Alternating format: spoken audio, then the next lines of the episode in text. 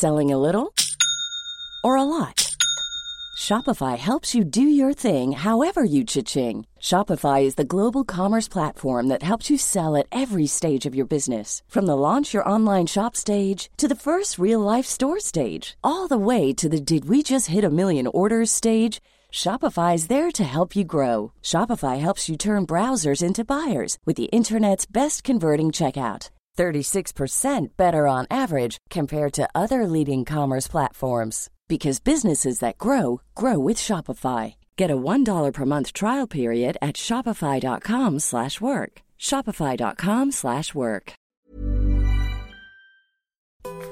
Velkommen til Leve sammen, en podkast fra A-magasinet om det, ja nettopp det store og mange ganger vanskelige temaet å leve sammen. Her i studio så er jeg sammen med Frode Tuen. Du er professor i psykologi ved Universitetet i Bergen, og er med oss hver uke for å svare på store og små spørsmål. Velkommen, Frode. Takk for det. Og i studio så er òg statsviter Bent Sofus Tranøy, professor, om jeg må be, i statsvitenskap.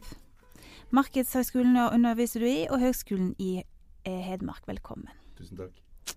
En prof to professorer, og mitt navn det er Lillian Wambeim, og jeg er redaktør i A-magasinet. I dag så sitter jeg her altså med to menn som har vært venner siden de var sju år gamle. Og dagens tema er nettopp vennskap i parforhold, og hva som skjer når det oppstår en endring i jobbsituasjonen, og hvordan det egentlig påvirker vennskapet i par. Så la oss først høre på innsenderen. Min mann ble arbeidsledig for noen måneder siden etter å ha jobbet i oljerelatert yrke i nesten 30 år. Utsiktene er ikke så veldig gode med hensyn til å finne ny jobb, men han takler det ganske bra. Vi klarer oss godt, godt økonomisk, og han har alltid et lyst sinn. Problemet er at han blir gående mye hjemme for å kjede seg. Han har liksom ikke noe initiativ å finne på så mye. Han ser mye på TV eller surfer på internett. Jeg sier at han må komme seg mer ut og treffe folk, men da blir han litt fornærmet og spør om jeg vil ha meg ut av huset. Det har han jo litt rett i, for jeg synes faktisk at det er kjedelig at han alltid er der når jeg kommer hjem. Jeg tenker på gru hvordan det vil bli når en dag når jeg slutter å jobbe, og vi begge skal gå hjemme hver eneste dag. Man trenger litt avstand og litt pauser når man skal ha det bra sammen. Er du ikke enig i det? Noe av problemet for min mann er at han har hatt sitt sosiale liv på jobben. Så spørsmålet er hva kan jeg gjøre? Kan jeg i det hele tatt få ham opp av godstolen og ut blant folk, tror du? Dette her er jo lett å kjenne seg igjen i. Når endringer skjer, så påvirker det parforholdet. Hva er det som skjer nå, Frode, mellom disse to? Um, det, det, det, mest typiske, eller det mest karakteristiske i denne situasjonen, er at, at han er blitt mer eh, hjemme. Han er mindre aktiv, mindre ute. Og hun syns at det blir kjedelig. Hun syns at det blir eh, Hun bekymrer seg litt for eh, hvordan dette vil gå for de som par. At hun føler at de trenger stimulans eller opplevelser, inntrykk, som han kan bringe med hjem. Hun trenger å være hjemme alene litt. Og alt dette forsvinner når han går hjemme der hele dagen, eller hver eneste dag. Mm.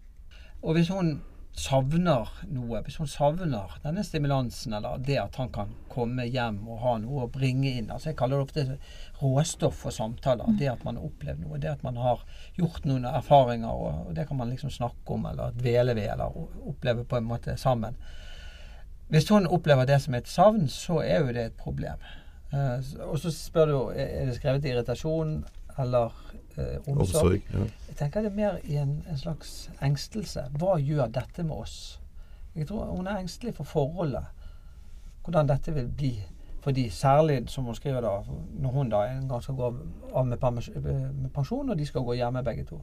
Og dette opplever jeg jo også i møte med mange par som, uh, som har kanskje gått litt tom, eller som det er den samme type problemstilling som gjør seg gjeldende når barna flytter ut, f.eks. Plutselig sitter man der, og man har fryktelig mye tid sammen, og man vet ikke helt hva man skal fylle den tiden med. Mm. Og en trenger jo òg litt pause og litt avstand i et forhold for å på en måte ha noe å tilføre og ha det gøy sammen når en først møtes.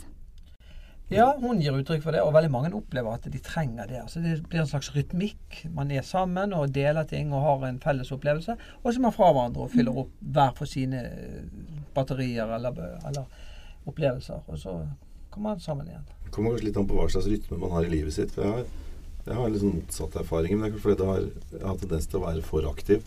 At det skjer så mye. Så det bare å ha alenetid med kjæresten hvor det nesten ikke trenger å skje noen ting, kan være en ren nytelse. Fordi at uh, du liker jo Altså Hvis man er kjæreste med noen, så er det jo forhåpentligvis fordi man liker dem. Fordi man liker nærværet deres, fordi man syns det er hyggelig at de er i samme rom. Men bare det å sitte med hver sin bok eller noe sånt, så man trenger jo ikke hele tiden å, å stimulere hverandre. Men nå er du jo heldig, du er jo ganske nyforelska, og at den liksom innsenderen her har nok vært i dette forholdet ei stund, i og med at hun er så var på endringen som nå skjer. Også, jeg har også, vært i, også fått den følelsen i langvarige forhold. Bra. sånn at det er Ja. Nei da. Men um, men, men, men, du peker på et uh, viktig poeng der, for det at du er så aktiv. Sant? Og det er jo når man ikke er aktiv lenger fordi at man har mistet jobben, eller at det skjer ting i livet som, som gjør at man ikke har så mye som skjer der ute. Og da kan det som foregår hjemme, bli ganske slitsomt.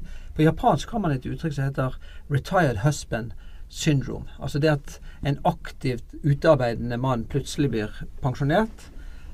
Eh, det er en kjempeutfordring for paret å finne ut av liksom, hva skal vi bruke all denne tiden til.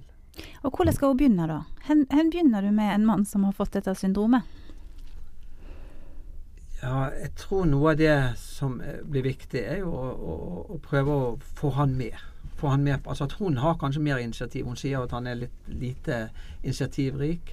Eh, og at hun kan bruke noe av sitt initiativ til å få med på ting som de begge to kan gjøre. Noen ganger er det bare det som skal til. At noen dytter en litt, eller eh, drar en opp av stolen. Det er jo noen barn inne i bildet her også. Kanskje det også de kunne gjøre noe som familie sammen som innebærer at ikke han blir gående så mye alene hjemme, mm. men at de faktisk kan bruke den tiden aktivt på noe som begge to kan like og sette pris på.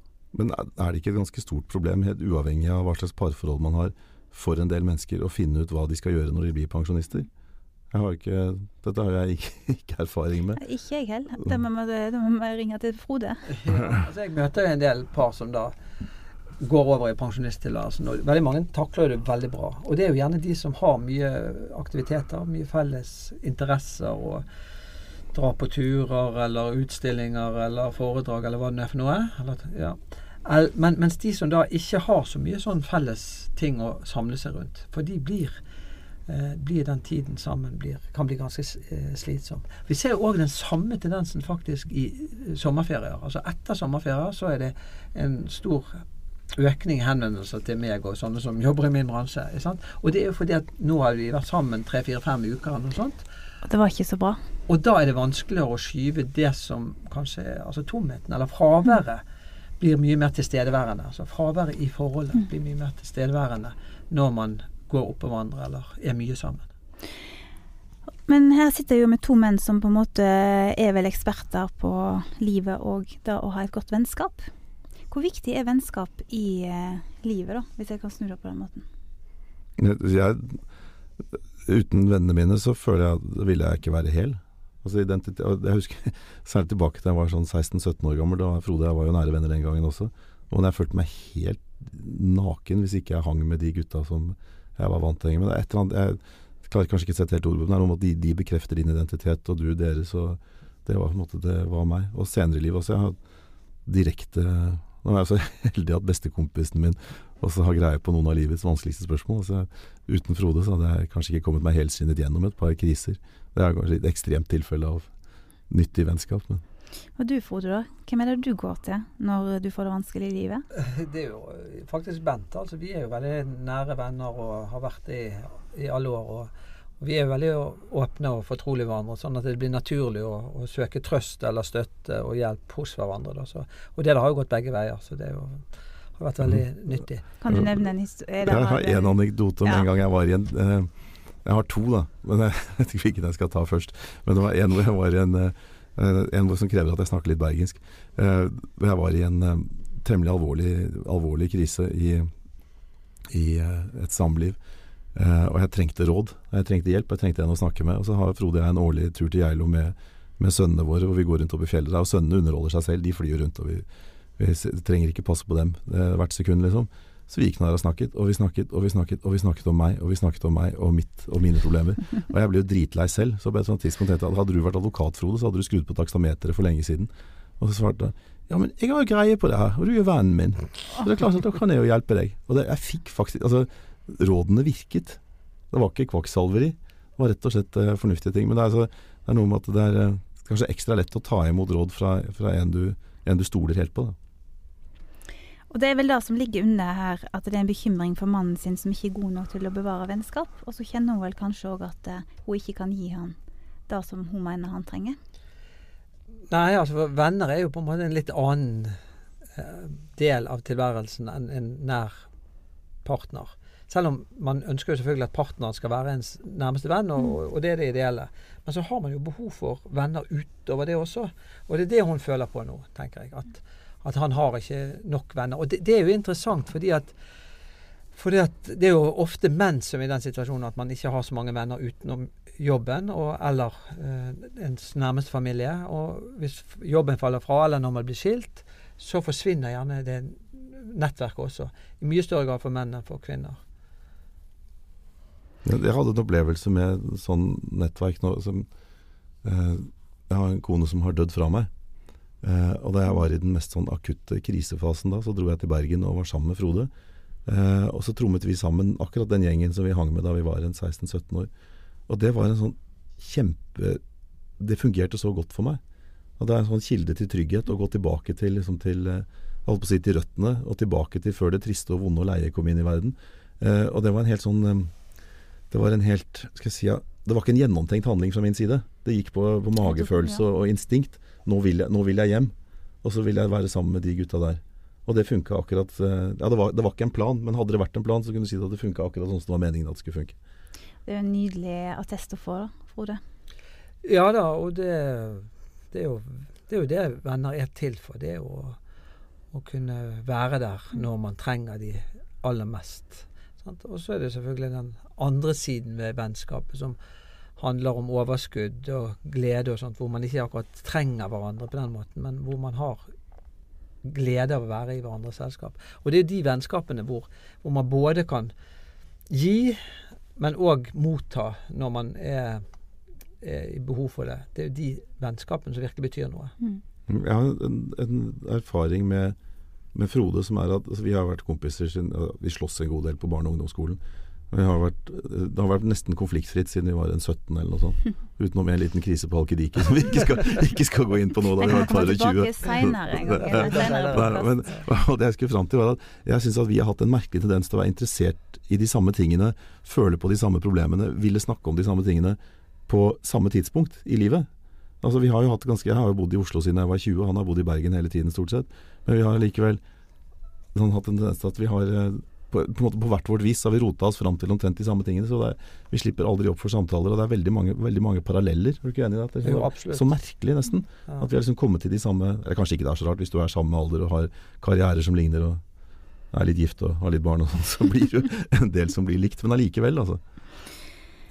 Men eh, det innsender eh, er opptatt av, det er jo på en måte om det går et skille mellom kjønn, dette her at det er på en måte menn har en tendens til å bli mer asosiale og stivne i godstolen. Når jeg hører på deg, så tenker jeg at det da ikke er tilfellet. Men det finnes vel òg eh, den andre type menn der ute, som isolerer seg og blir asosiale og stivner. Ja, og det er det hun gir uttrykk for, at hun bekymrer seg for. Og det er det god grunn til i mange tilfeller.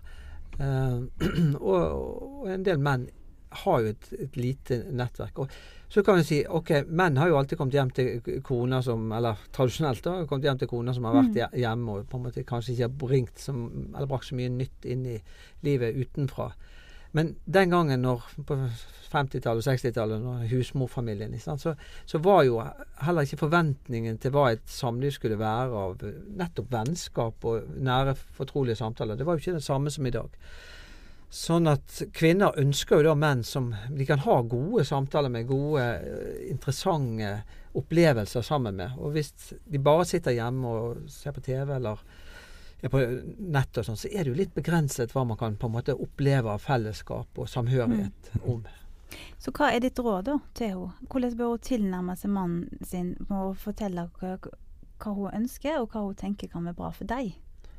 Ja, som jeg sa i sted, altså, hun kan ta initiativ. Hun kan prøve å få han med på, på ting som hun syns er interessant, eller noe som hun ønsker, og som forhåpentligvis han også kan ønske. De kan gå på dansing eller språkkurs eller Altså det er jo så mange ting man kan gå på.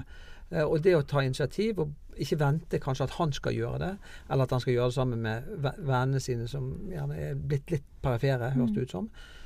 Eh, Så kan jo i hvert fall komme noe bra ut av, ut av det. da Istedenfor at hun nå bare går og venter på at han må ta disse initiativene som, som jeg, ikke vil komme, kanskje. kan jeg spørre om en ting? Finnes Fins det folk som er genuint eh, ganske lite sosiale?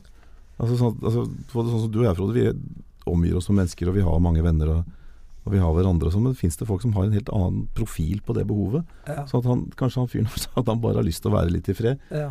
og så må han liksom ut og leke fordi kona vil det. Altså, man kunne på en måte man kunne lage en versjon av den historien hvor, det, hvor jeg, får- jeg får litt sympati med han. da. Ja, ja, absolutt. synd på han. Absolutt. Uh, og, og det er jo noe av utfordringen også selvfølgelig å akseptere at han har antagelig mindre sosiale behov enn henne. Mm. Sant? Men likevel så, så er det jo viktig å ta de Mm. bekymringene hennes, hennes på, på alvor, ja. og så finne et annet slags kompromiss. Ikke at han skal fly rundt med venner hver eneste dag eller ut på noen aktiviteter nødvendigvis hver eneste dag, men hun må i hvert fall føle at hennes bekymring blir tatt Mm. på alvor, og at de kan finne noen form for kompromiss, noen fellesnevner og et fellesskap som er ålreit for de begge to. Mm. Og bygge et nytt vennskap. Ja, ja. Da har jeg lyst at vi skal avslutte eh, for i dag, men, eh, men Sofus og Frode det har jo delt veldig masse, og det har eh, hjulpet hverandre i mange ulike situasjoner. Men Sofus, jeg vet at du har en pilothistorie. Jeg syns Ja. den er veldig fin å avslutte med. Ja, det en, en metafor jeg har laga sjøl, si det på det, eller et bilde. Nei, det var en gang hvor jeg merket at, eh, at jeg var i ferd med å oppføre meg fryktelig dumt. Jeg merka at jeg hadde ikke kontroll på mine egne følelser, og at jeg kunne skape en konflikt som ville gi et resultat som jeg ikke ønsket. Og så var det så sterke følelser i meg at jeg klarte ikke å styre meg, så da visste jeg ingen annen råd enn å ringe til Frode. Eh, Så jeg vasa rundt nede på CC Vest med telefonen i hånda. og, så, og så snakket han til meg på en måte som han aldri har gjort før. Han snakka veldig hardt. Altså, nå fikk jeg faen meg ta meg sammen og ikke ødelegge. Dette her var en god ting, og dette skulle jeg ikke ødelegge. Eh, og han kom med noen ganske brutale sammenligninger. Altså sammenligninger som jeg ikke kom helt heldig ut av, kan du si. Eh, og, så, og så bare gjorde jeg som han sa. Og så ringte han et par timer seinere og spurte om jeg var blitt krenket og sur, eller om han hadde gått for langt. da. og så, og så sto det meg at nei, overhodet ikke. Det hadde ikke falt meg inn at han hadde gått for langt. Og så tenkte jeg, Det var fordi at jeg ville sammenligne det med at eh, hvis du er om bord på et fly som holder på Det der hvor piloten for et illebefinnende ikke kan styre flyet, og så er du den som havner i, i pilotsetet, og så har du på øret en eller annen som faktisk kan fly, og som forteller deg nøyaktig åssen du skal ta ned denne maskinen og få den ned på bakken, eller lande det, som det er blitt så populært å si. Eh, det var i grunnen den rollen jeg følte meg, så jeg bare overlot på en måte, spakene til, eh, til Frode. Og så slo det meg i, i neste omgang etter det igjen, at det er to betingelser som må være oppfylt tror jeg, for at det skulle funke på den Mm. måten. Og Det ene er at jeg har stor respekt for Frode, så jeg var villig til å høre på han. Eh, men det andre og kanskje litt mer subtile poenget er at han har respekt for meg. Jeg vet at han har respekt for meg, ellers hadde jeg ikke tålt at han snakket sånn til meg. Da kunne jeg blitt furten og gjort motstand. Så Det var en vakker historie, er det ikke det? Det er en veldig vakker historie om vennskap, og kanskje en bør være åpen. Når folk prøver å fortelle deg noen ting, så tar du på å og setter deg i pilotstolen, sånn som du, Bent eh, Sofus, gjorde når eh, Frode snakka, og det landa trygt. Programansvarlig for disse podkastene er Anette Aasheim, og jeg vil takke veldig for i dag. Eh, Har du innspill, kommentarer eller spørsmål til noen av temaene som vi tar opp, så send mail til oss avmagasinet etter aftenposten.no. Samme mailadresse kan du òg bruke om du har spørsmål om samliv og relasjoner, som du ønsker at Frode Tuen skal svare på i våre spalter. Abonner på podkasten i iTunes, eller gå inn på aftenposten.no og Ja-magasinet for å følge med hva Frode Tuen gir folk råd om. Neste uke er det vi tilbake.